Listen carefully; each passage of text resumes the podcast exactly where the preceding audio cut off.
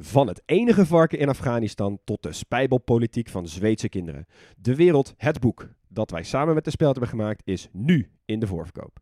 Het is de meest betrouwbare landengids der landengidsen. Het beste boek dat je nooit mag gebruiken bij je eindexamen. Ga naar grotepodcastlas.nl slash boek, bestel hem en dan heb je hem eind juni in huis.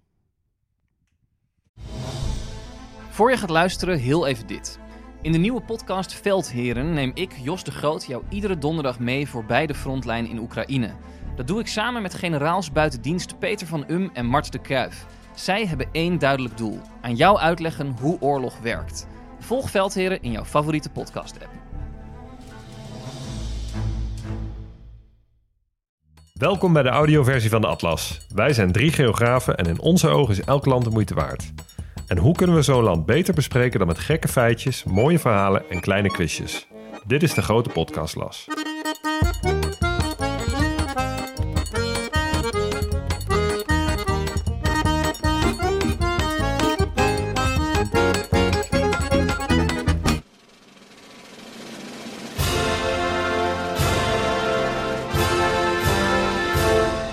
Welkom in Jordanië, het oog van de Midden-Oosterse storm, de mediator van de Arabische wereld. De goede buur in het spreekwoord, dat is Jordanië. En hoe herbergzaam de mensen zijn, zo onherbergzaam is het landschap.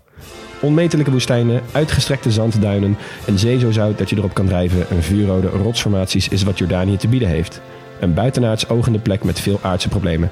Want hoe lang blijf je nog een veilige haven als je zelf nauwelijks het hoofd boven water kunt houden?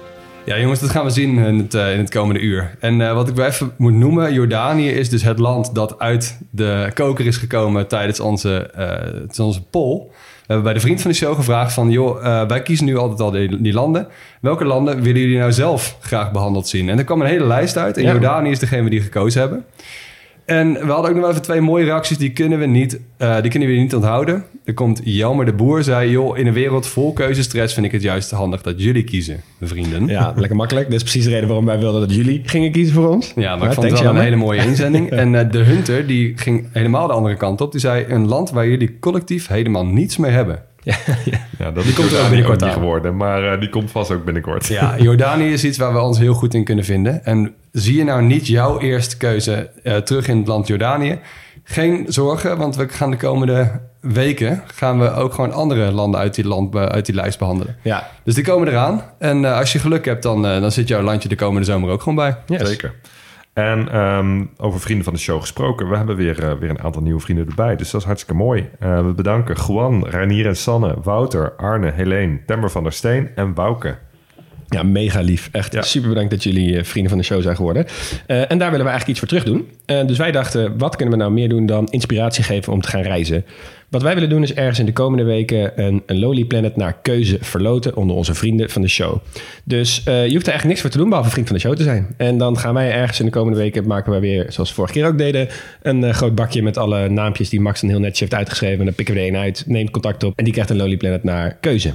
Nou, Jordanië ligt in het Midden-Oosten, een gebied waar al in de oudheid al heel veel te doen was. Dus er zijn ook heel veel benamingen voor de hoek van de wereld waar Jordanië ligt. Jordanië ligt in de Levant. De benaming eigenlijk een beetje voor de oostkust van de Middellandse Zee en het achterland daarvan.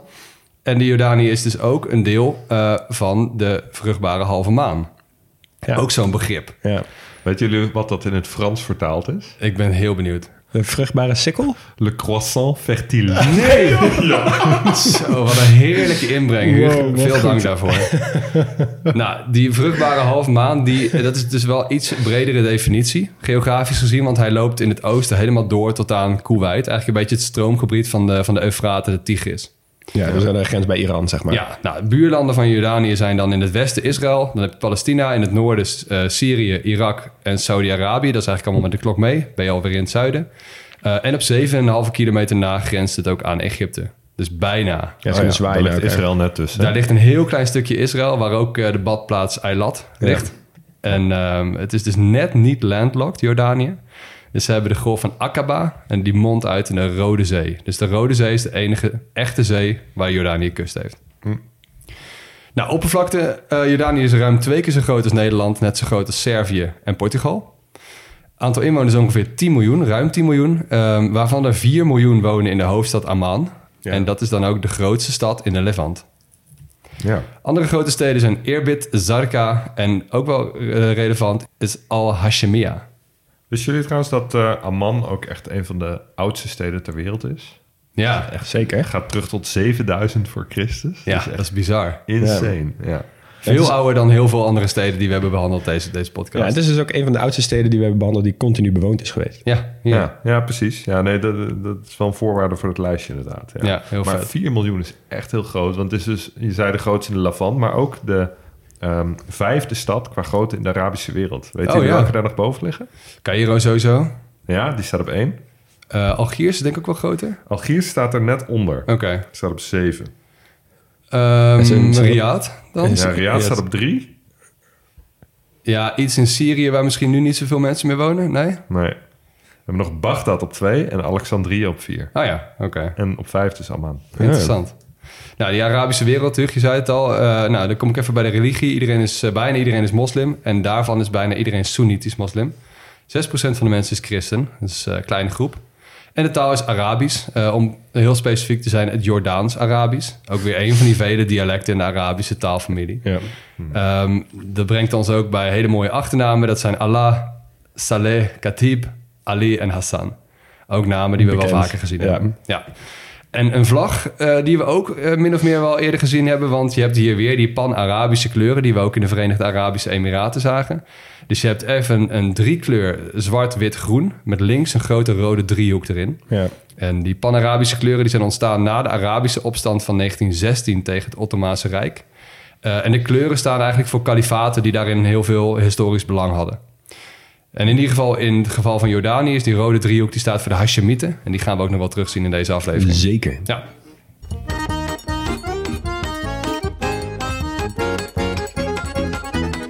Goed, demografie in Jordanië. Ehm, Jordanië heeft afgelopen 100 jaar echt een ongelooflijke bevolkingsgroei gekend. Ja, dat zal Weet je hoeveel mensen er in 1940 woonden in Jordanië? 3 miljoen of zo? 4 miljoen? 300.000. Wat? Hè? Ja. In 2000 waren dat er al 5 miljoen. En nu tegen de 11 miljoen mensen. Wow. Dat heeft niet zoveel te maken met natuurlijke bevolkingsgroei. Nee, dat- maar ja. vooral met een gigantische immigratie. Jordanië is, is voor deze regio een relatief stabiel en rustig land geweest. En daarom vaak een toevluchtsoord geweest voor vluchtelingen. Nou, ik ga wat cijfers noemen. Ehm, ik heb ze zo goed mogelijk geprobeerd te factchecken door meerdere bronnen te gebruiken. Maar eh, cijfers over vluchtelingenaantallen, zeker in deze regio, zijn altijd lastig. Dus dat even als disclaimer. Nou, de eerste grote groep vluchtelingen die in Jordanië aankwam, kwam uit Palestina. Dus eh, ten westen van, eh, van Jordanië. Nou, Israëliërs die eh, rukten daar op. ehm, en toen zijn er heel veel Palestijnen naar Jordanië getrokken. Inmiddels wonen er echt miljoenen Palestijnse vluchtelingen in Jordanië. Ik heb cijfers gezien die uiteenlopen tussen de 2 en 4 miljoen. Dus op, op een bevolking van bijna 11 miljoen. Ja. Een groot deel daarvan heeft inmiddels ook wel een Jordanees paspoort, maar een heel groot deel dus ook nog niet. Ja. En ehm, ja, ook een deel woont bijvoorbeeld nog in vluchtelingenkampen. Nou, in de 21ste eeuw kwamen er nog heel veel vluchtelingen naar Jordanië. En de eerste groep daarvan kwam uit eh, Irak. Tijdens de Tweede Gulfoorlog, dus in 2003 ongeveer hebben we het over, Ja. zijn er ongeveer 1 miljoen ehm Irakezen naar Jordanië gekomen. Maar die zijn vrijwel allemaal eh, weer teruggekeerd in de periode daarna. Wie er wel nog vooral zitten, dat zijn de Syriërs. Die Ja. kwamen natuurlijk vooral de afgelopen 10 jaar. Ja. 1,4 miljoen ongeveer. 1,4 miljoen. hè? Ja. En eh, momenteel bestaat ongeveer een derde van de bevolking in Jordanië uit vluchtelingen zonder verblijfsstatus. Echt Wow, krankzinnig, Een derde. Ja. Ja.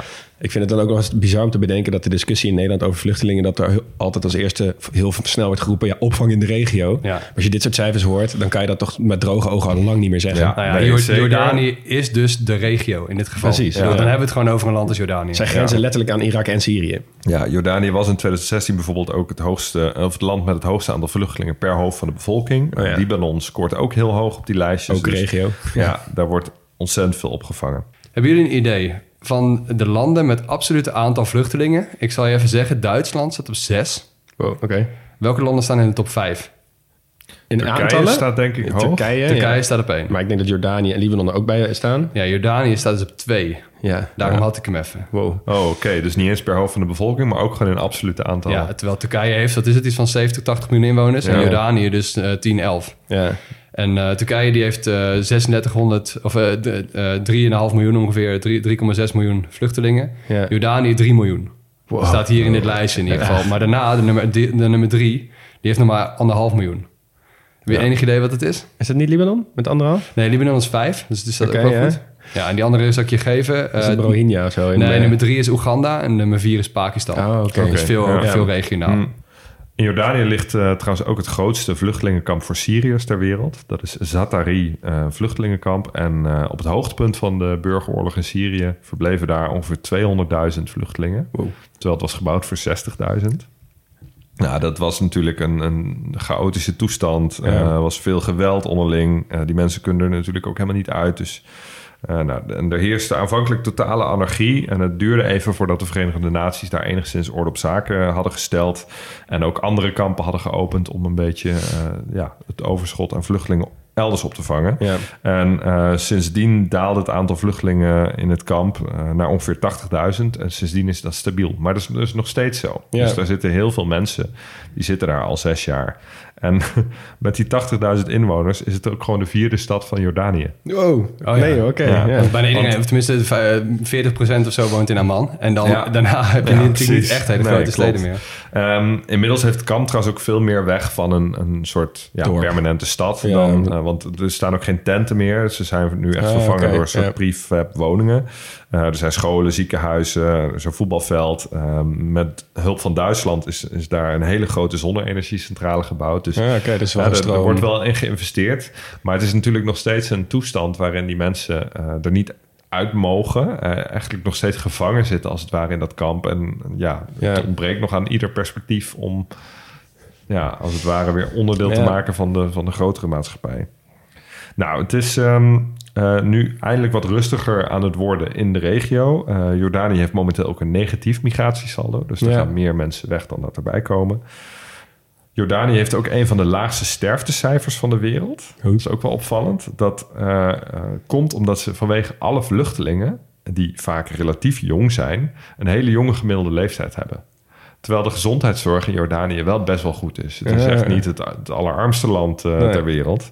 Ehm, dus dat, dat, ja, dat maakt dat die vele jonge mensen die er zijn... ook over het algemeen allemaal wel blijven leven. Dus ze hebben die demografische transitie, die hebben ze eigenlijk een beetje kunstmatig getweakt, als je het zo Ja. ziet. Ja, die demografische transitie in Jordanië... die is, die is heel lastig toepasbaar. Ja. Omdat het natuurlijk een, eh, een demografie is... die heel erg gekenmerkt door, wordt door sociale bevolkingsgroei... Juist, in plaats van natuurlijke bevolkingsgroei. Nou, dan nog heel even over de etniciteit van mensen in Jordanië. Het aantal vluchtelingen heeft daar niet heel veel invloed op gehad... want eh, de vluchtelingen die er komen zijn bijna allemaal Arabieren. En dat is het overgrote deel van de oorspronkelijke Jordaanse bevolking ook. Ehm, er zijn wel wat kleine minderheden van Caucasische afkomst. Wat wel opvallend is, is het aantal christenen is eh, sterk gedaald. Dat was eh 100 jaar geleden eh, was ongeveer nog 20% van de bevolking christen. Het is natuurlijk ook een regio die ook de bakermat is van het christendom. Ja. Ja. Ehm, maar het absolute aantal christenen is sindsdien wel toegenomen, maar het relatieve aantal is eh, eh, flink gedaald. Nu nog maar 4% van de bevolking is christen. En dat komt natuurlijk omdat die eh, vluchtelingen over het algemeen moslim zijn, zoals Ja. de rest van de bevolking. Ja, Huug, jij zegt eh christenen bakermat. Hey, Nou, dat, ik ben het zeggen, ik ben zelf niet christelijk opgevoed, moet ik zeggen. Ik heb de Bijbel nooit gelezen. Ik ken, ik, als mensen beginnen over hanen die kraaien en zo, dan heb ik ook geen idee waar ze het over hebben. Maar ehm, Jordanië wordt, in ieder geval het gebied waar nu Jordanië ligt, wordt veel, veelvuldig genoemd in de Bijbel. Hmm. Ehm, Jezus is bijvoorbeeld gedoopt in Jordanië, heb ik me laten eh, leren. Door wie? Zie je, we hebben geen christelijke opvoeding gehad. Johannes, Oh ja, de oké. doper. Hey. Oh, Daar komt zijn naam vandaan. Ik kom ook niet zomaar aan zijn naam. Nee. Nou goed. Ehm, eh, je hebt het eh, net al gehad over die vruchtbare halve maan. Of eh, hoe noemde je hem ook weer? Le croissant... Croissant fertile. Croissant fertile. Ehm, dat is, die term wordt dus ook ge- gebruikt voor het gebied waar eh, eigenlijk voor het eerst mensen zijn gestopt met jagen en verzamelen. En mensen zijn gestart met akkerbouw en veeteelt. Dus eigenlijk de eerste plek waar mensen dus niet meer elke zoveel tijd van A naar B moesten lopen. Maar gewoon een plekje maakten voor zichzelf. Ja. Om daar jaar in jaar uit hopelijk weer wat graan en gewas en zo te krijgen. En wat vee te houden. Dit heet de Neolithische revolutie. Dus mocht je dat ooit in een pubquiz horen, dan weet je nu wat het is. Maar het heeft bijvoorbeeld ook allemaal andere eh, aspecten van het leven doen verbeteren. Zo konden mensen in één keer standbeelden maken. De oudste standbeelden van de wereld ongeveer komen dus ook daar vandaan. Ah, ja. De Ain Ghazal standbeelden zijn 9000 jaar geleden daar, eh, daar eh, gemaakt. Maar ook bijvoorbeeld het oudste brood ter wereld. Komt Ja. Ja, Dat- moet dat iemand hier- moet de prijs ja. claimen. Precies, en Ja. dat is dus allemaal hier een beetje Jordanië, zeg maar. Dus, eh, maar wat het natuurlijk ook is, het is een gigantische geopolitieke hotspot tussen Azië, Europa en Afrika. Het is echt precies in het midden ongeveer. Dus het is ook een soort, wie is het onder de wereldrijken geweest in de afgelopen 2000 jaar? Dus daar ga ik even een, een gigantische sneltreinvaart eh, totaal geen eer aan doen. Ehm, maar dan weet je even wie er allemaal hebben gesetteld. Nou, in het begin had je de, nou, alle verschillende volkeren. En eigenlijk de eerste volkeren die een beetje noemenswaardig zijn... zijn de Amorieten, Ammonieten en de Moabieten. En die Ammonieten, die hebben de stad Amman eigenlijk gemaakt. Hey. Zo is het ook lang geleden. Ehm, en eh, vandaar dus dat we die nog eh, een beetje kennen. Ehm, vervolgens is het overgenomen grotendeels. Kijk, als ik het heb over overnemen, dan betekent het vaak delen of grote delen of het hele gebied. Dus alsjeblieft, ga geen rectificatie insturen. Ja, maar Zuid-Jordanië is nooit overgenomen door dit, dit of dat rijk. Prima, daar geloof ik je meteen. Maar goed, dus even terug naar, eh, naar eh, back in the day. Eh, allereerst de Persen hebben het overgenomen. Toen heeft Alexander de Grote het overgenomen van de Persen. Zo'n vier, de vierde eeuw voor Christus. En toen Alexander de Grote overleed, had eigenlijk zijn opvolging niet, niet heel best geregeld. Dus dat viel allemaal uit in verschillende rijkjes. Die heten de Seleucidische Rijken, of het Seleucidische Rijk. Eh, en dat waren eigenlijk eh, opvolgers van hem die vanuit Damascus regeerden. Dus ook over het gebied dat we nu als Jordanië kennen. Eh, en in 100, ongeveer 170 voor Christus stichtten de Nabateërs een koninkrijk een beetje in het zuiden van Jordanië. En wat was hun hoofdstad? Akaba? Nee, wel Jordanië. Als je zegt Jordanië, dan zeg je... Ja, ik ken niet zo heel veel grote steden, dus ik doe even een gokje. Is dat, is dat Petra? Ja, dat is zeker Petra. Het is ook niet per se per heel groot, maar het is vooral heel oud en Ja, mooi. daarom, ja. Daar waren die Nabateërs dus wel goed in. Ze waren wel een leuk Jordaans volkje. Ze hebben een hele karavaanroute opgesteld in het gebied dat we eigenlijk nu kennen als Saudi-Arabië en Jemen en Oman en zo. Hele mooie routes daar gemaakt, een soort mini-zijderoutes. Eh, en ze hadden een hele vette eigen religie. Ze, in het centraal van hun religie stond namelijk de verering van rotsen. Oh, Ja, daar hou ik wel altijd genoeg van. van. Die, ja, van die, ja, dat. En ik hou wel een beetje van dat soort natuurgeloven, zeg maar. En wat zij heel goed konden doen, is dat ze dus van die ondergrondse waterkanalen of kanaten hebben aangelegd. Waarbij ze dus water van in de berg via ondergrondse bronnen zo met tunnels naar hun droge landbouwgronden konden leiden. Dus echt irrigatiekanalen hebben aangebouwd en zo veel meer landbouw konden bedrijven. Dus eh, wel een leuk volkje. Nou, daarnaast hebben die Egyptenaren Amman nog even omgedoopt tot eh, Philadelphia. Oh ja, dat wist ik. De naam Philadelphia. Eh, in eh, ongeveer 100 na Christus hebben de Romeinen het overgenomen. Eh, die hebben overigens Philadelphia aangehouden. Dat is nog een tijdje gebleven. Het is toen lange tijd in handen van de Byzantijnen geweest. Tot ongeveer 630. Toen is het hele gebied overgenomen door het Arabische Rijk onder de eerste kalif Abu Bakr. Die, dus toen is het Arabisch Ja. geworden. En, en, geïslamiseerd En waarschijnlijk. geïslamiseerd. En toen, zo'n 900 jaar later, toen hebben de Osmanen, oftewel de Ottomanen, het weer overgenomen. En dit blijft zo tot aan de Eerste Wereldoorlog. Ja. Nou, Nou, mooi. Ze hebben alles en doorheen. iedereen hebben ze gehad Klaar. ongeveer. Zeg maar, de enige die ze niet hebben gehad waren de Mongolen en de, en de Chinezen. Maar volgens mij hebben ze voor de rest alle grote wereldrijken Ja, gehad. Copy-paste geschiedenis van Tajikistan, minus de Mongolen. Ja. Maar goed, ehm, nu wil ik even, even iets dieper in naar een moment... of eigenlijk een serie gebeurtenissen... die op dit moment ook nog heel veel invloed heeft... op eh, waarom de regio zo in elkaar zit zoals die zit... en waarom het Midden-Oosten niet zo heel eh, vrolijk is... met hoe het Westen met ze om is gegaan. We gaan namelijk naar de Eerste Wereldoorlog. De Ottomanen, wat dus nu Turkije is, is de Ottomanen... en de Britten staan tegenover elkaar. Die kiezen niet dezelfde kant. De Ottomanen staan aan de kant van de Duitsers... en de Britten uiteraard niet. Nou, de Ottomanen zitten eigenlijk in het gebied Syrië, Jordanië en Palestina. En die Britten zitten vooral in Kuwait, Qatar, Oman en Jemen. En in Saudi-Arabië heb je een onafhankelijk rijk van Arabische eh, soort neutrale staat. Ja. Nou, die Britten zijn vervolgens eh, naar Hussein bin Ali, belangrijke naam, gegaan. Dat is de sharif van Mekka. En de sharif van Mekka is eigenlijk de beschermheilige van die heilige stad Mekka. De heiligste stad van de islam. En hij heeft gezegd, hey, luister, als jullie ons helpen met het verslaan van die Ottomanen... krijg je na de oorlog je eigen rijk. Je eigen onafhankelijk Arabische rijk. Dit is de Arabische opstand van 1916. Hey. Waar je net die vlag van hebt uitgelegd. Ja. Nou, dat is dus een heel beroemd en bekend moment uit de Arabische geschiedenis. Zij hebben toen allerlei veldslagen gepleegd, waaronder eentje in Aqaba, is die havenstad in het zuiden van Jordanië. Eh, en ze hebben samengewerkt met iemand die heel erg wordt gezien en vereerd als een soort grote brein achter de hele situatie. Natuurlijk een westers iemand. Dat is namelijk Lawrence. Of? Arabia. Precies, Lawrence van Arabië. Hij is samengewerkt met die zoon van die sharif van Mekka, dus die zoon van die Hussein, namelijk Faisal. En Faisal was echt een mooie vent. Hij, had, eh, hij is supergoed in diplomatiek. Hij heeft echt die Britten eh, heel erg tegen elkaar uitgespeeld. En hij was gewoon eh, heel slim. En wat hij ook bijvoorbeeld heeft, voor heeft gepleit, wat ik heel interessant vond, een onafhankelijke Joodse staat naast een onafhankelijke Arabische staat. Gewoon twee staten naast elkaar. Ja, we hebben het nu over dus de Eerste Wereldoorlog. Hè? Ja. Eh, maar goed, maar toen liep de Eerste Wereldoorlog ten einde. De Ottomanen hebben verloren. En Hussein en Faisal die dachten... oké, nu komt onze onafhankelijke Arabische staat. Maar ze kwamen van een keiharde koude kermis thuis. Want wat was er gebeurd? De westerse machten hebben, zoals wel vaker... dat hele gebied verdeeld met een liniaal. Ja. Twee Zo mensen ook. staan hierin centraal. Zo ook de grenzen van Jordanië, die gewoon uh, Kaarsrecht. Westen, westelijke grenzen uitgezonderd kaarsrecht zijn. Echt, eh, Ja. idioot. Twee mensen hebben hier centraal gestaan. Misschien bekend voor sommige luisteraars. Georges Picot en Mark Sykes. Van het Sykes-Picot-verdrag. Zij hebben eigenlijk met z'n tweeën gewoon lijnen getrokken... dwars door stammen, volkeren, groepen, dorpen... totaal geen rekening houden met de mensen op de, op de, op, in het gebied... of op de grond daar, om gebied te verdelen. Dit is dit van is een- Frankrijk, dit is van Groot-Brittannië. ja, ja. Het is een beetje de, de scramble for the Middle East. eh, als Dat het was ware. het. Nou, ehm, en toen hebben zij dus gezegd tegen die Faisal en tegen die Hussein... ja, leuk en aardig, maar dit is eigenlijk wel gewoon eh, Brits en Frans. Faisal ging toen alsnog in Syrië, had hij zijn eigen koninkrijkje gesticht... maar die is er weg, eh, met een kleine oorlog weggepest door de Fransen... en toen heeft hij uiteindelijk in wat we nu kennen als Irak ook een rijk gesticht. Eh, en de broer van Faisal, Abdullah ibn Hussein... die is toen de emir geworden van een nieuw gebied dat heet Transjordanië. Maar stond alsnog onder het Britse mandaat. Na de Tweede Wereldoorlog raakte het hebben van kolonies natuurlijk een beetje niet zo erg in, in, in zwam. Mensen die eh, hebben daar het afscheid van genomen, gelukkig. Eh, zo ook de Britten van eh, Transjordanië. En toen die Britten zich terugtrokken, kroonde Abdullah zichzelf in 1946 tot koning van Transjordanië. Maar bleef wel achter met een door de Britten onder andere getraind superleger. En wat hij toen heeft gedaan, eigenlijk in 1948 49, is die rivier de Jordaan overgetrokken en heeft hij de westelijke Jordaanoever en Oost-Jeruzalem bezet met zijn leger. Eh, En als gevolg van die veroveringen en als gevolg daarvan heeft koning Abdullah op 3 juli 1949 de naam van het land van Transjordanië naar Jordanië genoemd, omdat hij dus nu niet aan één kant van de Jordaan zat, maar aan beide kanten.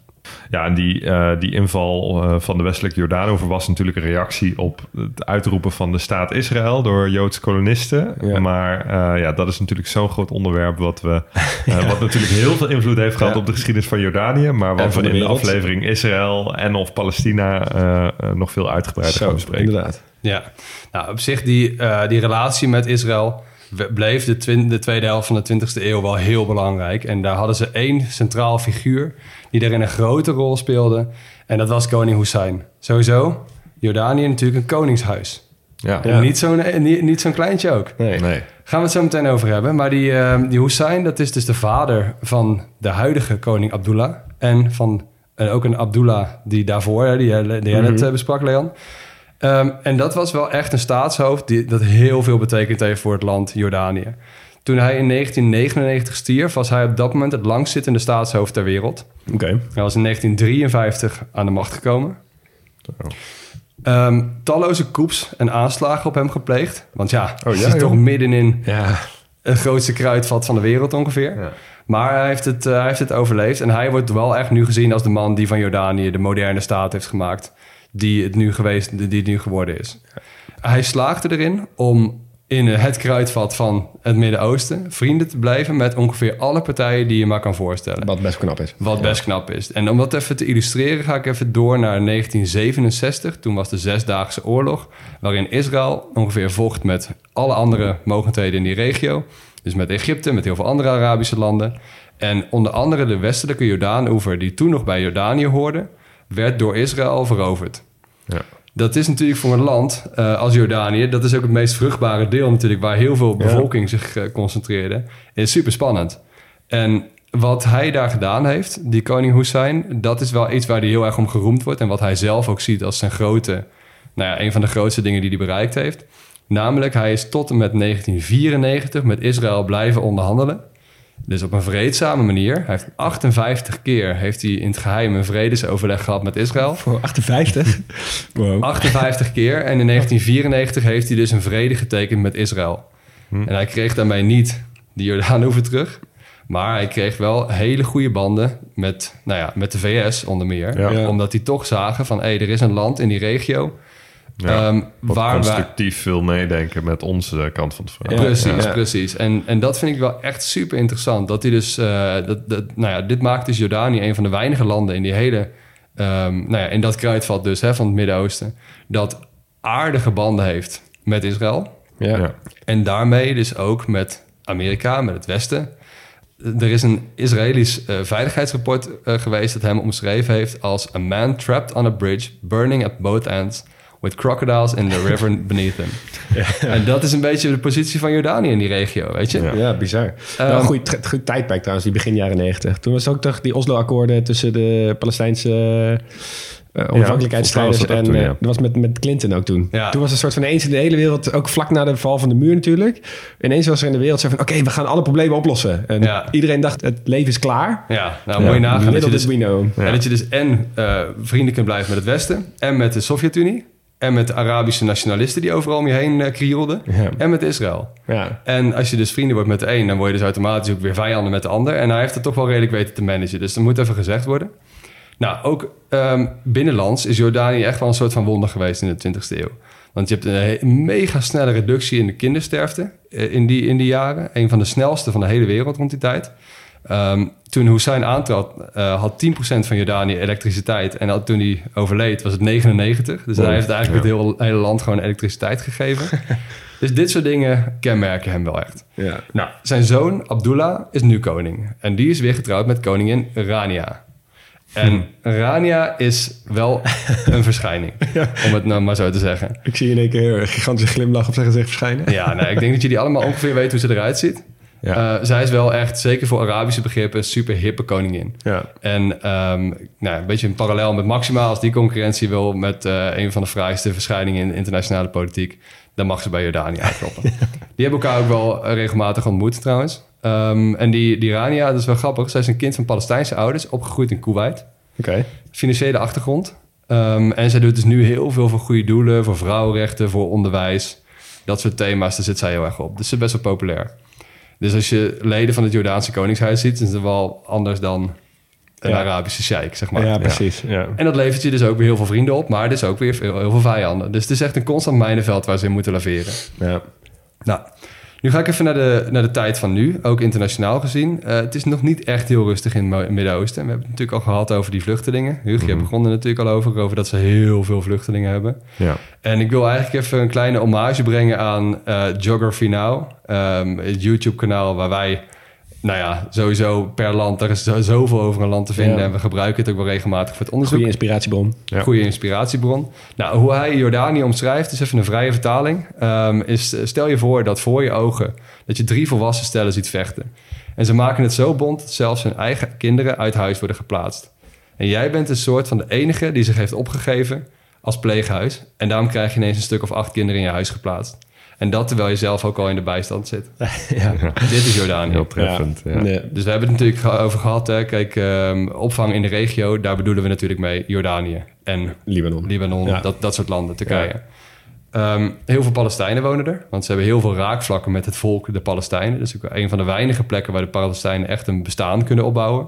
En natuurlijk, hè, Hugo, wat je zei, Syrië.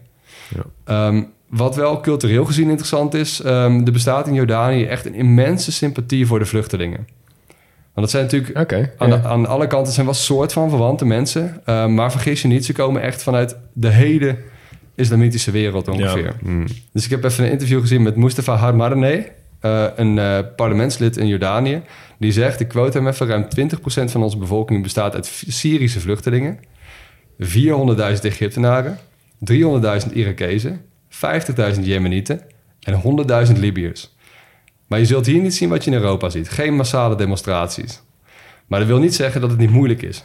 Alles wordt duurder in dat land. Hè, dus eh, vluchtelingen mogen bijvoorbeeld ook niet werken. Dus hè, wat je zei, eh, er er gaan nu tegenwoordig meer vluchtelingen weg dan dat er binnenkomen. Simpelweg omdat vaak vluchtelingen daar ook het land niet meer boven het hoofd kunnen houden. Het is gewoon heel moeilijk om daar een bestaan op te bouwen. Ja. Ja. Dus eh, nou ja, de vraag is maar waar ze allemaal heen gaan. Maar eh, dat Jordanië een interessante positie heeft in die regio, dat is wel duidelijk. Ja.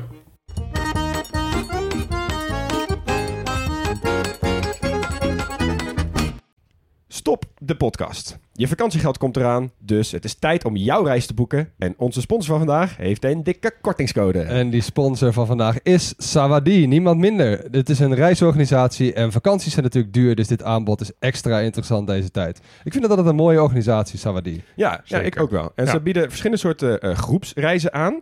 Eh, en vandaag gaan we het even hebben over die ze aanbieden aan de 22 tot 35-jarige backpackers. En dat zijn over het algemeen mensen die wel wat meer willen weten over het land dat ze bezoeken. En dus niet zomaar van A naar B die hotspots aflopen, busje in, busje uit. Ja, en het zijn ook mensen die het vaak leuk vinden in een groep eh, te reizen. En eh, die groepen die blijken ook heel snel vriendengroep te worden. Zowel tijdens de reis als daarna. Eh, mensen komen vaak nog heel, veel, heel vaak met elkaar terug, spreken af om te meeten en zo. En je kunt dus ook echt naar heel veel plekken op de wereld. Populair zijn op dit moment plekken als Zuid-Afrika, Marokko, Jordanië, Colombia, Nepal.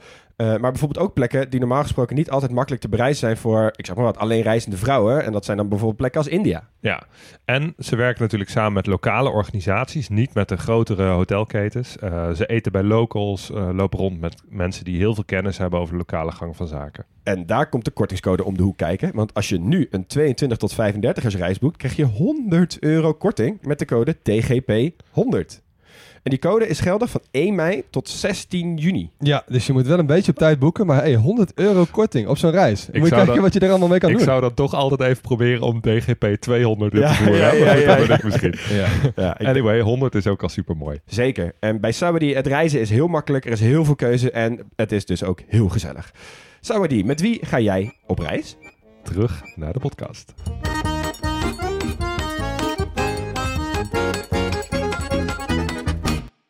Nou, even landschappelijk. Eh, er zijn superveel eh, contrasten als je kijkt naar het landschap in Jordanië. Het westen is best wel bergachtig. En in het noordwesten is het ook relatief nat. Ehm, en daar kunnen de winters ook best wel koud zijn. Echt, de sneeuw is echt geen uitzondering in de hoge gelegen delen daar. Het oosten is heel vlak en heel droog. Dat is dus echt een, eh, echt een woestijngebied. En door klimaatverandering wordt het in Jordanië ook echt steeds droger. En dat gaat in Jordanië ook bovengemiddeld snel, Ja. die, die verdroging. Zeg maar, die, Ehm, die vruchtbare croissant die is niet lang meer vruchtbaar. Die is een beetje Nee, door. nee, nee. Nou, dat noordwesten, dat lag, lag in die croissant. eh, daar gaat het nog wel oké. maar het oosten, wat al heel droog was, Ja. wordt nog droger dan het Ja. al was. Als je zeg maar een kaartje ziet met plekken waar de temperatuur het meest gaat stijgen... en, en eh, waar dus ook, ook droogte een groot probleem, probleem wordt... en minder neerslag valt... dan is Jordanië echt zo'n donkerrode vlek. Oei. Nou, en dat zo'n groot gedeelte van het land ook zo droog is... is het ook een van de minst beboste landen ter wereld. Oh ja, natuurlijk. Ja. Nou, ik wil het even met jullie gaan hebben over de Dode Zee, natuurlijk. Hey. Ehm, de Dode Zee, wat eigenlijk een meer is en de grens met Israël vormt, is het laagste punt op aarde. ja. Hoeveel meter onder zeeniveau? 250 of zo, 300, zoiets? Ja, ik ga weer richting de 50 meter. 429 meter ja, bizar. zit ik even mooi... Ja, ik wil zeggen, ga ik mooi nat, maar dat valt dus ook al mee. Ja. Een tijd geleden zouden jullie gelijk hebben gehad, want het is niet altijd zo geweest. Het, eh, het waterpeil in de Dode Zee daalt met ongeveer een meter per jaar. Ehm, dat is een natuurlijk proces wat al duizenden jaren aan de gang is, maar de laatste tientallen jaren wel heel snel verergerd is door het toedoen van de mens. Want er wordt heel veel water ontrokken aan de rivier de Jordaan. Dat is de belangrijkste rivier die eh, de Dode Zee voedt. Die komt vanuit het noorden, vormt daar dus ook de grens tussen Jordanië en Palestina en Israël. En daar wordt heel veel water uitgehaald eh, voor eh, de landbouw, maar ook bijvoorbeeld het drinkwatervoorraad in Israël. Ja. Dus eh, dat is een groot probleem. 70 tot 90 procent van het water wat in die rivier stroomt, wordt eraan ontrokken voordat het uitmondt in de Dode Zee. Zo. Nou, dus dat is een, dat is een probleem. Eh, de, zee, de zeespiegel of de meerspiegel daalt dus in de Dode Zee. Gevolg daarvan is dat die ook steeds zouter wordt. Want ja, Ja, dat, zout dat over. water dat verdampt. Maar ja, wat verdampt er niet mee? Dat is zout. Nou, dat maakt hem negen keer zo zout als de gemiddelde zee. Ja. Zo. Ja, ik weet wel hoe dat smaakt. Wij hebben daar met z'n drieën nog in het water gelegen daar. Ja, klopt ja. Zo. ja aan de Israëlische kant zijn wij, eh, zijn wij Ja. geweest. eh, Dan moet je niet even kopje onder gaan. daar moet je niet kopje onder gaan en eh, geen slokje van nemen. Nee, en je moet, ik weet nog wel je. dat sommige van ons hadden toen net geschoren. Als je dat in het water gaat liggen, krijg je Ja. het water op je baard, dat ze echt, dat ze echt sterven. En je kon daar dus echt gewoon bijna in die zee zitten. Maar ze raden je ook heel erg af om bijvoorbeeld op je buik te gaan liggen. Want dan kan er wat water in je ogen komen en in je mond. En dat is iets wat je je absoluut niet wil. ja. Echt, echt gewoon op je rug liggen en peddelen, zeg maar. Ja. Ehm, de afgelopen tientallen jaren is er samen met Israël door Jordanië wel onderzoek gedaan van ja, wat kunnen we hier nou aan doen? Kunnen we misschien eh, water uit de Rode Zee overhevelen naar de Dode Zee? Ehm, en nou, er is ook natuurlijk best wel een groot hoogteverschil. Ja, 429 meter tussen die zeeën. Dus als je daar een kanaal graaft en Ja, water er mee laat heen. Eh, dan gaat dat vanzelf, maar bovendien kun je er elektriciteit mee opwekken. Ja, dus ja, dat is ook handig. Ja. Eh, dus daar hebben ze heel lang eh, onderzoek verricht eh, naar de haalbaarheid daarvan. En eh, het project werd alleen steeds vertraagd. En in 2021 heeft Jordanië de stekker eruit getrokken. Oh, nee. Want, die zeiden van ja, Israël doet hier te weinig aan. Die waren niet tevreden over de Israëlische inbreng. Dus dat ligt momenteel stil. Terwijl Israël die hele rivier leegtrekt. Dus dan, dan zou je ook wel zeggen dat zij er volledig voor mogen betalen, toch? Ja, maar dan ben je weer van die geopolitieke eh, onderlinge verhoudingen. Dat je, ja, maar jij moet zoveel betalen. Ja, dan krijgen we ja, zoveel stroom en bla bla bla. Ja, bla. dat gesteggel, daar zijn ze vooralsnog niet uitgekomen. Nou, een ander heel bijzonder gebied is, eh, is Wadi Rum. Zijn jullie Ja. misschien ook wel tegengekomen? Ja, dat ligt in het zuiden van het land. En dat is dat gebied wat zich kenmerkt door die, eh, die donkerrode rotsformaties. Oh ja, ja, ja. eh, midden in een woestijnlandschap. Nou, door erosie hebben die, die rotsen hele bijzondere vormen gekregen. Dus echt wel, eh, echt wel een van de, van de mooiste en beroemdste plekken van Jordanië. Ja. Nou, even eh, qua grote zoogdieren. Eh, heb je in Jordanië herten, gazelles, antilopes. Maar jagen is vrij populair geweest in Jordanië. En daardoor zijn de aantallen nogal drastisch teruggelopen. De Arabische oryx bijvoorbeeld, die we ook al in de Ja. aflevering Verenigde. Arabische Emiraten zagen. moet ook hier worden geherintroduceerd middels een fokprogramma. Want, eh, want ook die is overbejaagd.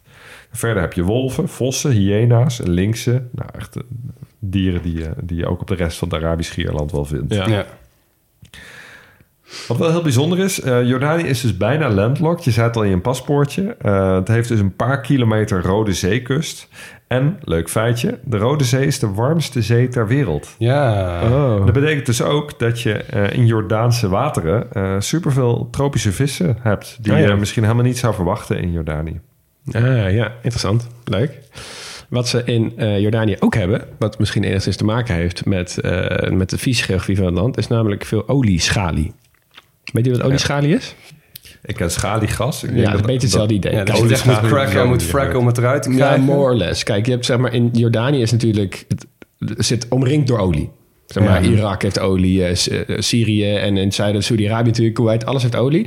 Maar Jordanië eigenlijk niet. Die zijn eigenlijk best wel fucked wat dat betreft. Die hebben dus echt vrijwel niet. Nou ja, dat is misschien wel een groot voordeel voor ze. Want wat dat betreft, misschien is het daardoor zijn ze heel stabiel eh, kunnen blijven. Eh, maar olieschalie is dus het gesteente waaruit olie geproduceerd wordt. Dus het is een sedimentair gesteente dat rijk kan zijn aan organisch materiaal. En wat je eigenlijk dus doet, is je perst die materialen en die stenen pers je net zo lang samen totdat er olie uit ontstaat. Dat is basically olieschalie. Ja, het is over het algemeen wel de laatste olie die economisch je- interessant is. Hè? Want Ja. het kost heel veel moeite om het eruit te krijgen. Ja, maar ze hebben dus wel de vierde meeste eh, de reserves van de wereld wordt geschat. Dat is natuurlijk lastig schatten, maar over het algemeen wordt dit geschat. Dus mochten ze ergens nog eh, economische tegenstand hebben, dan kunnen ze daar nog vandaan eh, doen. Wat betreft een economie, ze gaan, iedereen is natuurlijk bezig met COVID-herstel, zo ook daar. Dus ze gaan wel steeds weer iets beter dan eh, heel veel van hun buurlanden. Maar waar zij dus niet zo lekker gaan, is in eh, werkloosheid. Eh, er is veel werkloosheid. Bijna een kwart van de bevolking is werkloos. En de jeugdwerkloosheid is bijna 50 procent. Ja, en ook arbeidsparticipatie van vrouwen is ook 14 procent. Een van de laagste ter wereld. En dit Ja. voor een land wat over het algemeen in die regio best wel ook wel bekend staat voor progressieve vrouwen. Hoe moet ik dat en zien? dingen. 14% van de vrouwen in de werkzame leeftijd werkt? Ja. Oké.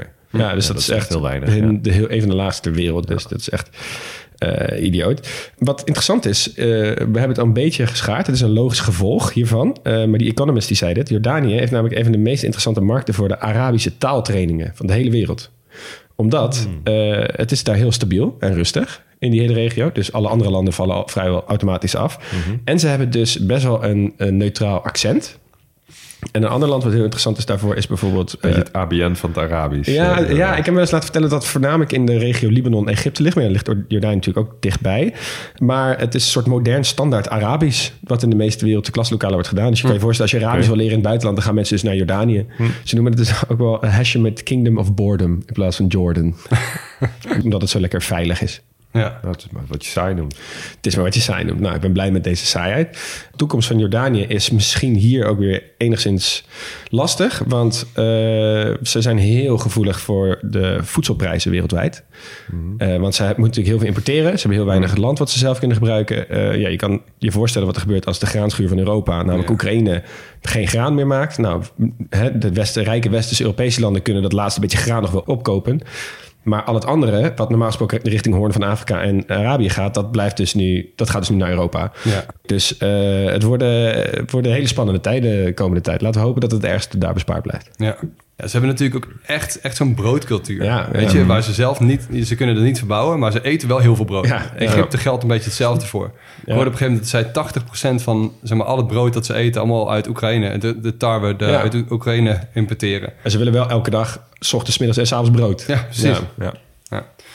Nou, waar het wel een soort succesverhaal is geweest natuurlijk, is in het toerisme. Want Jordanië geldt echt al... Kijk, je kunt best wel een parallel trekken met die vluchtelingen. Kijk, het is echt de stabiele factor in de regio. Dat trekt vluchtelingen aan, maar dat trekt ook toeristen aan.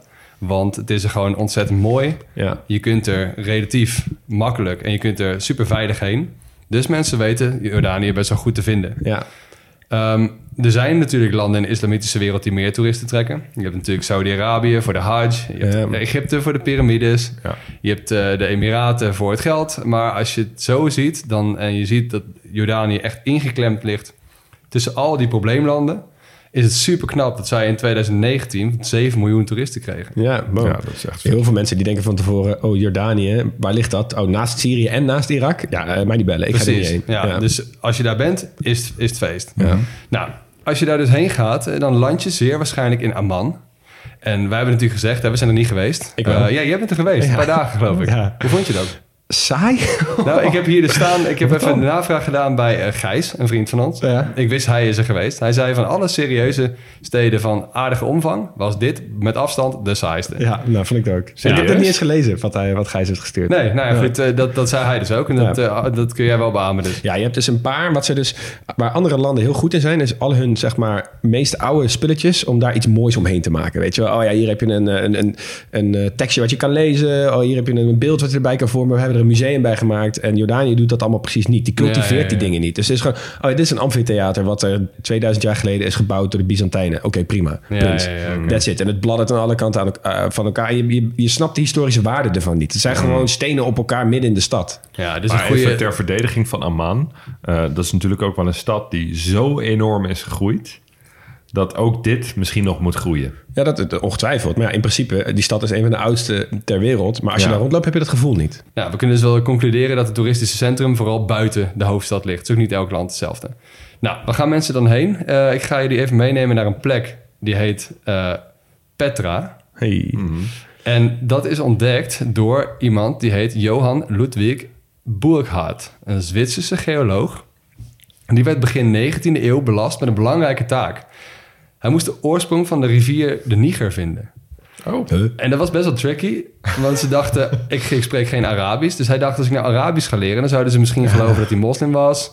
Dat zou het makkelijker zijn. Dus hij vertrok naar Aleppo, in Syrië, om daar te gaan studeren. En hij leerde daar vloeiend Arabisch en ging een paar proefexpedities maken. Won het vertrouwen van een paar lokale Bedouinen. En die vertelden hem van, joh, er is nog wel een oude ruïne. En die brachten hem daarheen. En daar herontdekte hij dus eigenlijk in, in de rotsen uitgehakte stad... die wij zijn gaan kennen onder de naam Petra. Ah, oké. Dus het is ontdekt door een Zwitser. Ja, je zegt ontdekt. Het was natuurlijk al Herontdekt, lang. Herontdekt, ja, precies. ja. Maar wat een wilde tijd was dat, hè? Ja.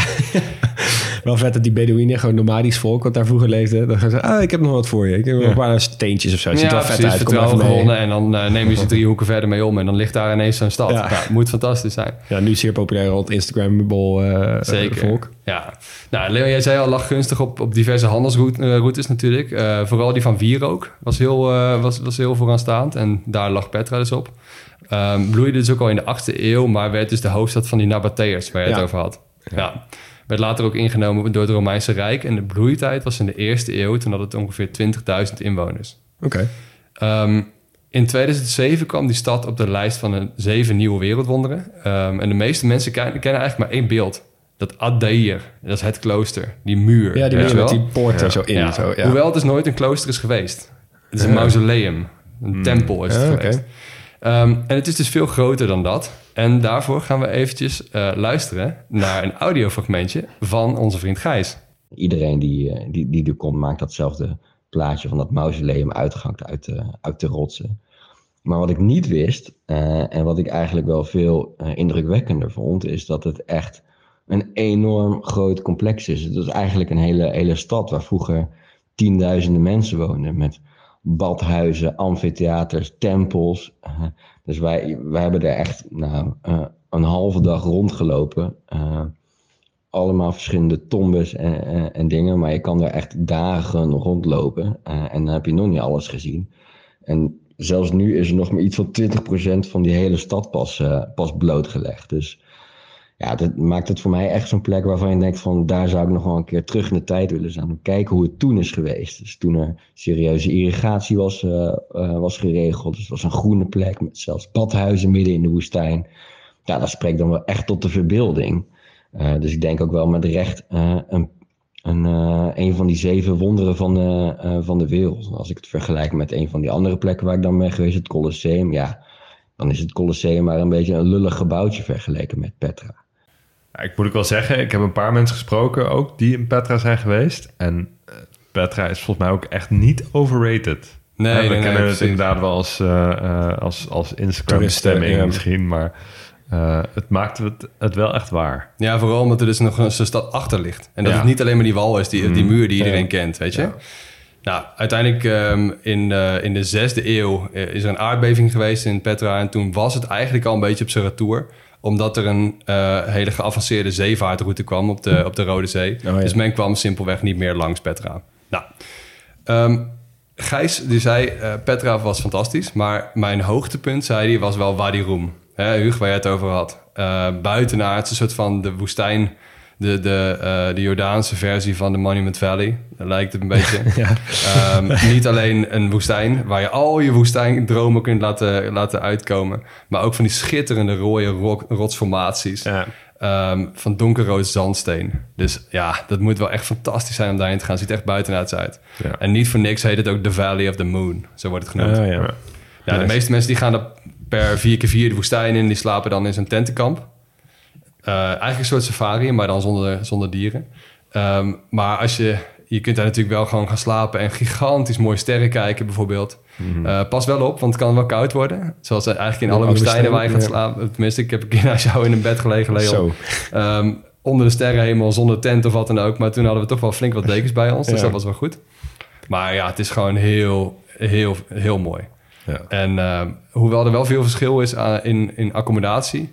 kun je ook aan dat woestijnkamperen echt wel zien... dat het de e- 21ste eeuw is geworden. Oh ja? Ja joh, echt. Opladertje erbij op zo'n Nou, glamping is zo groot daar. Ja, Ik zat even van die foto's te kijken. Echt Met glazen koepels en zo. Glazen koepels. Ja, wel? en- ja, jongen, alles. En eh, als je wil, kun je daar ook wel flink wat geld tegenaan gooien, denk ik. En dan slaap je waarschijnlijk in het mooiste uitzicht ooit. Ja. Maar dat was er denk ik 20 jaar geleden nog niet. Ja, en mij maar zo'n Bedouine tent, toch? Ja, maar wel even time ook met je volle maan en zo. Want eh, het is echt... Een, ik ben in verschillende woestijnen geweest. In India en in Marokko. Ja. Ehm, maar je, je merkt echt... Nou, het is... Ja, ik wilde zeggen verschil van dag en nacht. Maar het werkt niet helemaal bij alleen maar nacht. Nee. Maar bij volle maan en geen volle maan... Die geen volle maan is wel echt zo significant veel mooier. Ja, dat is mooi hè. Normaal Ja. gaat mensen gaan Ja. voor de volle maan. Maar dat nou ja, verpest wel een beetje je sterrenbeeld. Ja, want je ziet, je kan gewoon, het is gewoon inderdaad alsof het gewoon bijna ochtend is. Ja, sterrenbeeld, hoor mij nou. Je sterrenzicht. Hey.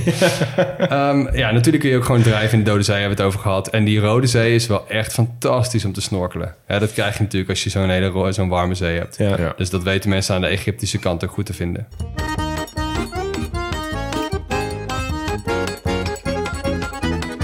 De kunstsector in Jordanië, die is echt heel erg groot. En dat komt wederom omdat het een van de stabielste landen in de regio is. Dat er best wel veel eh, ruimte is voor expressieve vrijheid. Dat onder die vluchtelingen die het land in zijn gekomen heel veel kunstenaars zijn. Ja. Nou, schilderkunst, beeldhouwkunst, maar ook fotografie en graffiti bijvoorbeeld. Eh, graffiti kunst worden best wel veel beoefend in Jordanië. Maar we moeten het even hebben over de filmsector. Ook die is groot in Jordanië. Ah. Maar we kennen Jordanië toch vooral om de plek waar veel buitenlandse films zijn Ja, ik wil net zeggen, als je een stabiele regio hebt met woestijn... Exact. Eigenlijk overal waar je een soort Arabische setting zoekt voor je film, maar Ja. je wil niet veel gedoe, Ja, kan je beter naar Jordanië. Ja, dat is altijd Jordanië en Marokko. Dat in is altijd Tunesië beter. zagen we dat natuurlijk Ja, ook al. ook al, ja. Maar Ja. ik ben in Marokko als wel eens in Ouarzazate geweest. Dat is ook echt zo'n plek waar vet veel Ja. films op zijn genomen. Ja.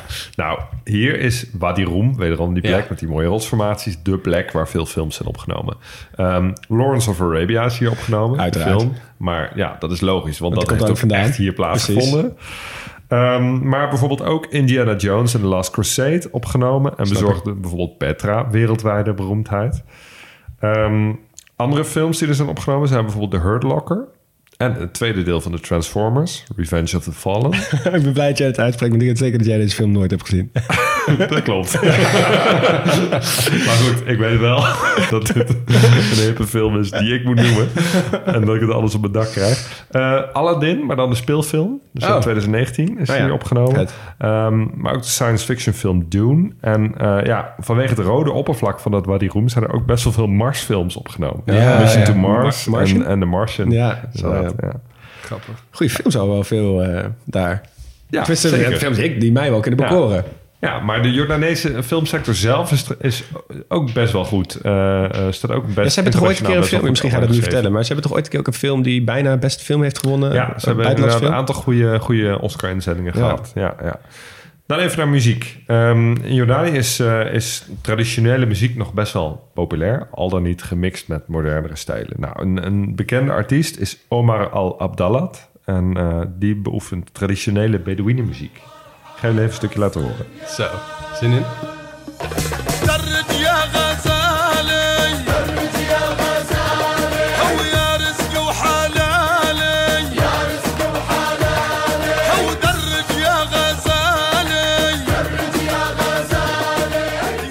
Minibusjes alert? Ja. Oh, dit hoor je de taxi. Ja, van Amman naar Petra in zo'n lokale taxi en dan gewoon dit op maximaal volume. Nou, dat is één dag hè. Maar hij is dus in de hele Arabische eh, wereld super populair. Ah, nice. Een andere bekende muzikant uit, uit Jordanië is Zade Dirani. En dat is een van de beroemdste pianisten ter wereld. Uh, hij componeert zelf ook. En we gaan even luisteren naar een concert opgenomen in het Romeinse amfitheater in Amman. Onder begeleiding van het Londens Koninklijk Orkest.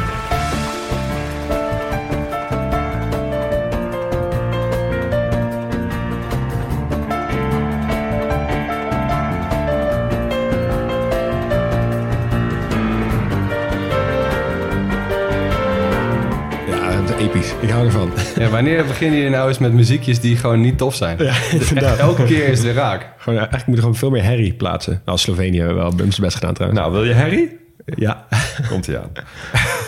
Eh, namelijk ook de moderne popmuziek in Jordanië heeft eh, eh, zijn intrede gedaan. eh, maar wordt volop vermengd met Arabische invloeden. We gaan even luisteren naar Diana Carazon.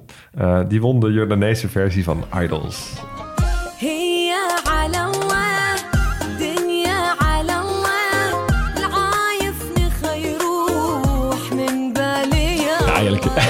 Ja, ik kan gewoon weer niet anders zeggen. ik ook niet, maar dit is zo'n nummer dat als je dan, ik zeg maar twee weken naar de regio op vakantie gaat, en je hoort het de hele tijd overal, dan op een gegeven moment wordt het gewoon, komt het in je repertoire. Maar je- elke keer als je dit nummer hoort, denk je, ah ja, dit is ons is vakantienummer. vakantiehitje? Ja, precies. Ja, Ja. Ja, heerlijk. jullie vinden echt alles vet. hè? Oké, ik ga nog één poging doen. namelijk over winnaars van talentenjachten. Ehm, eh, dat is namelijk wel echt dé manier om door te breken in de Arabische wereld. Ja. De beroemdste Jordaanse artiest van dit moment is misschien wel Emane Beasha. Dat is een, eh, een Jordanees van Caucasische afkomst. En half Amerikaans, woont nu ook in Amerika. Momenteel is ze 13 jaar. Wat? Maar toen ze acht kwam, eh, was, won ze Arabs Got Talent. En nu komt het, ze zingt opera in het Italiaans. Oké.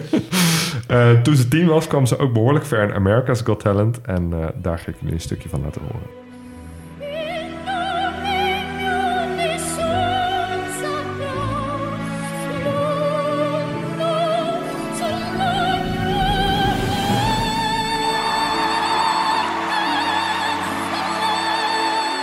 Oké, tien jaar oud?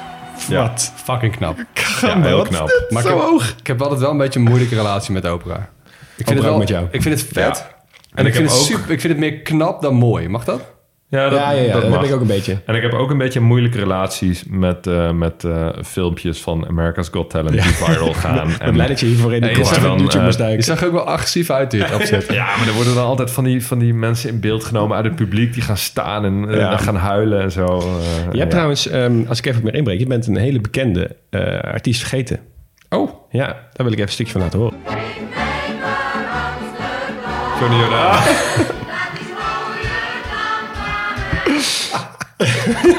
Ja, leuk. Zo niet verwacht dit. Thanks. Hey, nog even van de muziek af. Ehm Jordanië heeft ook een, eh, een traditie van ehm maatschappijkritische dichters. Eh, dichtkunst Ja, sowieso in de regio. wereld is sowieso Ja. heel groot, maar Jordanië ook. De beroemdste is Mustafa Wabi Tal. Die leefde in de eerste helft van de 20e eeuw. En ehm, eh, nou, hij had heel veel rebelse, ma- maatschappijkritische teksten. Was echt een luis in de pels van de heersende macht. Werd ook voortdurend opgepakt. en recenter ke- kennen we Haider Mahmoud. Ehm, die schreef in 1989 over de sociale ongelijkheid die, eh, die in het land eh, gaande was. En dat leidde eigenlijk grootschalige protesten in, in meerdere steden. En dat was voor hem een beetje problematisch, want hij was tegelijkertijd ook adviseur van de premier. Je kunt je voorstellen dat de premier dacht van... eh. Hou even je mond. Dus eh, de premier die heeft hem gevangen gezet. Maar eh, de koning heeft er eh, diezelfde dag nog voor gezorgd... dat hij toch op vrije voeten werd gesteld. Kijk. En hij is later nog minister van Cultuur geweest... en momenteel nog senator. Dus eh, Oh, in de meer? Eerste Kamer, ja. Ja, wel een duizendpootje. Ja. Ehm, nou, je hebt in Jordanië veel musea met eh, archeologische vondsten natuurlijk. eh, islamitische kunst, calligrafieën en zo. Maar ook veel moderne kunst. Maar in Aqaba, dus aan eh, die Zijde, stad aan de, ja. aan de Rode Zeekust... is een militair museum. Niet zo bijzonder, zou je denken. Maar dit museum is onder water. Eh, Ze hebben op de bodem van de zee hebben ze tanks, artillerie geschud, vliegtuigen en helikopters afgezonken. En je kunt ze dus bezoeken met een duikuitrusting. Nee, wat vet. Oh, joh, oké. Ja, het eten, jongens. De levant. We ik, al... ik verwacht wel het mooiste. Ja, we hebben, er komt hier zoveel lekkers vandaan. Eh, hè, we hebben kikkererwten en alles wat daar vandaan komt. Zoals hummus en falafel en tahin en feta, halloumi, aubergine, paprika, olijven, granaatappels, munt, citroen, yoghurt. Alles wat je echt lekker vindt kun je bij elkaar proppen en duizend eh, heerlijke gerechten van maken. Ja, ik wil zeggen, je springt er nu overheen, maar dat zijn ongeveer mijn top 20 alle ingrediënten die ik het liefst eet. Ja, en het is voor ons ook fijn, want het is perfect voor vegetariërs. Ja. Ondanks dat ze ook best wat vlees eten, maar ze zijn echt ook heel erg goed voor vegetariërs. En natuurlijk eh, de pita broodjes die overal eh, bij geserveerd worden. Platbrood, pita brood, allemaal verschillende soorten brood. Ja. Ehm, eerlijk is eerlijk, het is de hele regio is het bekend. Er zijn landen waar ze hier nog eigenlijk wel meer onbekend staan. En dat bijvoorbeeld in Israël of in Egypte en natuurlijk Libanon. Dus daar zou ik denk ik wat uitgebreider op terugkomen. Want daar kom, dat is echt een beetje de crème de la crème. Ehm, maar eten is desalniettemin heel belangrijk ook voor de Jordaanse cultuur. Ehm, ze bedienen hun familie en vrienden en gasten altijd met heel grote trots. Eh, hoe bescheiden hun middelen eigenlijk ook zijn. Dus als ze geen geld hebben, iedereen mag langskomen. Ehm, ze zeggen ook wel dat een Jordaanse uitnodiging... tussen aanhalingstekens houdt in dat men niets meeneemt en alles eet. Dus eigenlijk een beetje tegenovergestelde van wat Nederlanders hebben. Ehm, overigens, eh, mocht je in Jordanië zijn... het is gebruikelijk om tot drie keer toe een maaltijd te weigeren... voordat je hem accepteert. Oh, Dus dat zijn van- die omgangsvormen waar... ja, ik kan er helemaal niks mee. Dat is Iran ook zo. Iran is het inderdaad ook Ja. zo. Nou, dat soort dingen. Ehm, er zijn wat dingen in, eh, in Jordanië die hier heel bekend zijn. Onder andere mansaf. Dat is denk ik wel het beroemdste traditionele gerecht van Jordanië. En ook wel een nationale trots. En eigenlijk wat dat is, is een... eh, een, een zeer vet gerecht van rijst, geroerd met hele zware margarine. Eh, en eh, met heel veel yoghurt er ook in. Wat heel lang gero- geroerd wordt tot het kookt. En dan worden er allemaal stukken vlees en dingen aan toegevoegd. Oh. Het is een beetje Bedouine eh, traditie. Lijkt me nog niet per se heel lekker. Een soort van pilaf met yoghurt dan. Ja, nou, more or less. Hmm. Eh, het is dus gewoon een hele dikke soort ja, romige saus... waar dus allemaal dan vlees en dingen in worden gegooid. Eh, en een, een bekend Jordaans gezegde, heb ik me laten vertellen... is ook kip mansaf zal een echte Jordanees niet bevredigen. Oftewel, je eet het altijd met kameel schapenvlees. Hm. Nooit met kip. Nou, daarnaast heb je nog molokia. Kennen jullie dat? Nee. Nee, dat ken ik dus ook niet. Maar is daar dus schijnbaar ook heel bekend. Een soort bladeren zijn dat. Een soort bittere okra. En dat wordt dus gebruikt als soort natuurlijk bouillon. Dus om er smaak aan te geven aan allemaal verschillende gerechten. Dus dat is ook nog eh, heel fijn. Daarnaast heb je nog warak enab. Dat zijn een soort dolma's. Zo rijst met spullen in wijnbladeren. Die je dus gerold hebt. Die ken je wel van die soort ja, wijnbladerworstjes. Met spullen. Ik denk echt nu speelgoed autootjes en zo. Ja, gewoon al die dingen die ik in het begin heb genoemd. Weet Ja, je, eh, een stuk Ja. huidhouden, bekende, dat soort dingen komen Ik er allemaal niet bij. dat dat echt Jordanees was. Nee. Nee, ja, maar dat is dus... Dolma's ik, in Turkije regio, zo, ja, ja, is het, dus, het is allemaal een beetje Ja, zeg maar. Nou, en dan wil ik hem afsluiten met eh, eigenlijk wat in die hele regio bekend is... maar goed om even mee te beginnen, de medze. Nou, is denk ik voor ons allemaal wel bekend. Ja, al die dingen die je net noemde zijn ook on- onderdeel van de mezze waarschijnlijk. Ja, en is eigenlijk een soort Arabische tapas. Of eigenlijk is tapas een soort eh, Spaanse medze. Ja. Eh, want eh, het, het is, de oorsprong van het woord komt van het Perzisch en het betekent eigenlijk proeven. En het is eigenlijk een concept waarbij je dus als voorgerecht allemaal verschillende dingetjes proeft. Om te kijken wat het lekkerst is en wat je fijn vindt. Eigenlijk een aperitief of kleine maaltijd. Kleine dingetjes, smeerseltjes. Ja, maar wat is bij ons eigenlijk wel eens gekroond tot het hoofdgerecht? Want ja, als je zo'n bak met metsen... Ik heb gisteren nog gegeten. eh, fantastisch gegeten in Zaatar in Utrecht. Aanrader voor iedereen die er is. Eh, om gewoon een heel bord met allemaal verschillende dingetjes voor je te hebben. Met dipjes en sausjes en eh, brood waar je het allemaal in kan dippen.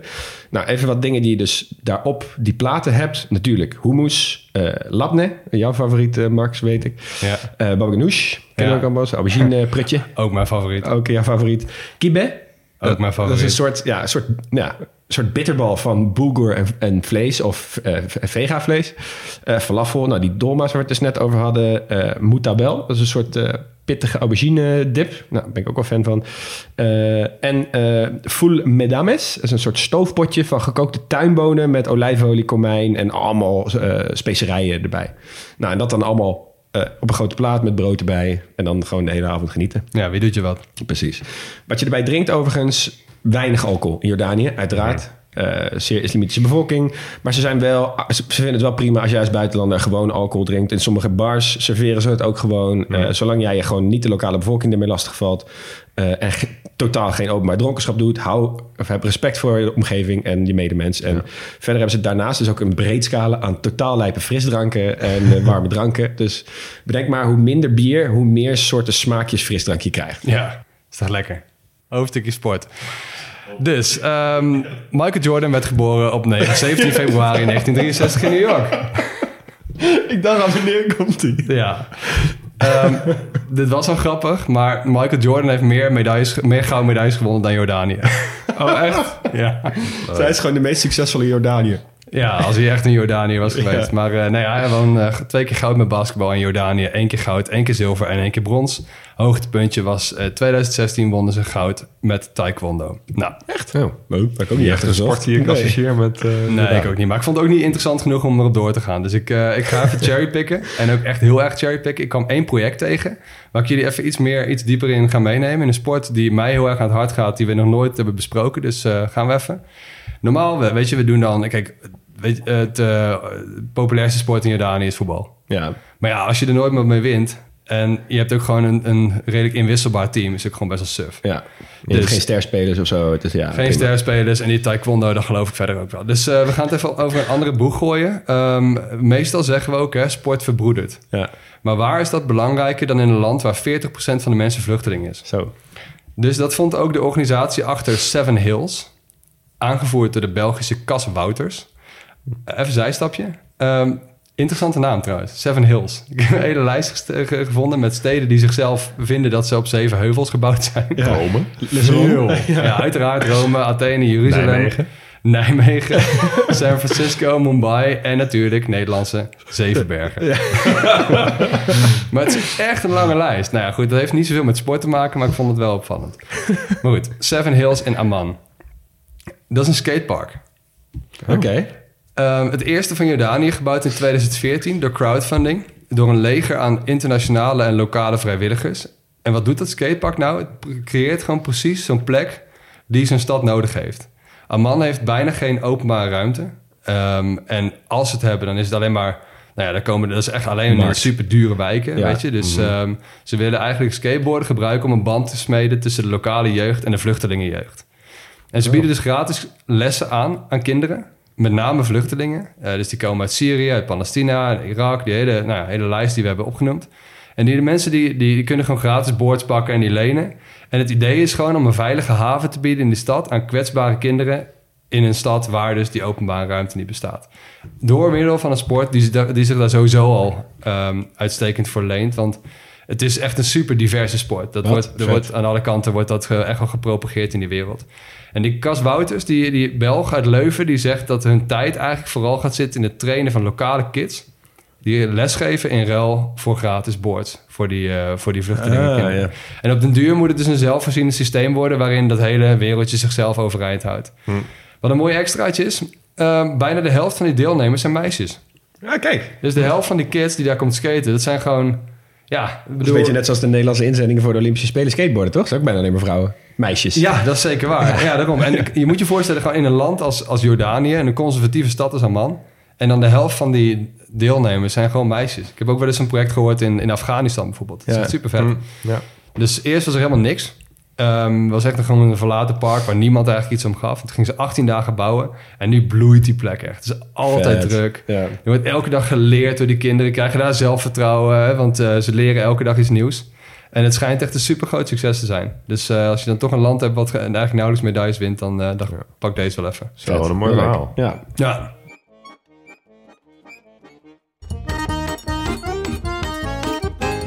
Jongens, eind van de aflevering over Jordanië.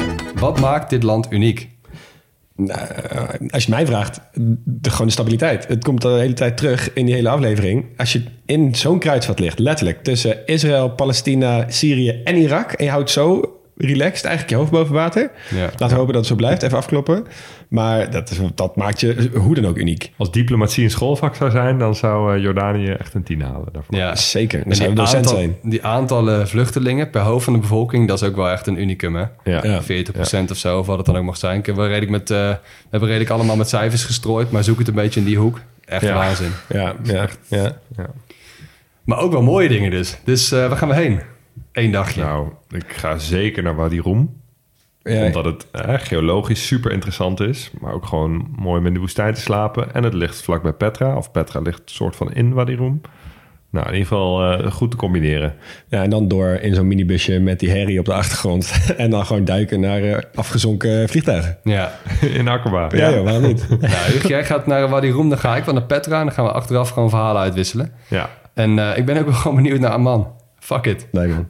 Saaie Ja. stad, maar ja. Jij in gaat saaie naar het stad- skatepark natuurlijk. Ja, ik ga, ja, precies. Ja. Ik ga gewoon skaten. Maar jij gaat echt naar Akaba, Leon? Ja, joh, Ik zou dat dus nooit doen. In ieder land dat maar twee kilometer kust heeft... dan weet je gewoon, die kust dat is echt de Ja, meest verdorven plek van het ja, land. dat is Hoezo? Ze hebben daar een militair museum onder water. Hoe tof. Ja, dat is waar. Ja.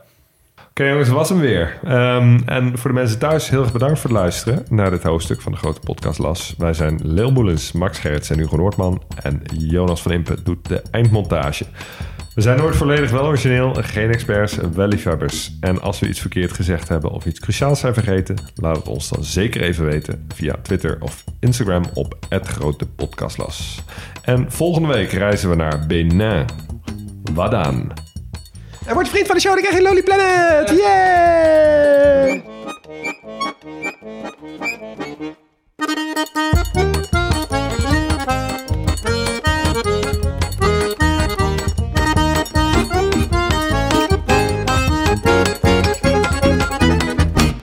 Yo, luisteraar, luister je nog steeds? Klasse man, je hebt er gewoon helemaal afgeluisterd. Nou, nu je tot hier bent gekomen, koop dan ook gelijk even ons boek hè. grotepodcastlas.nl slash boek.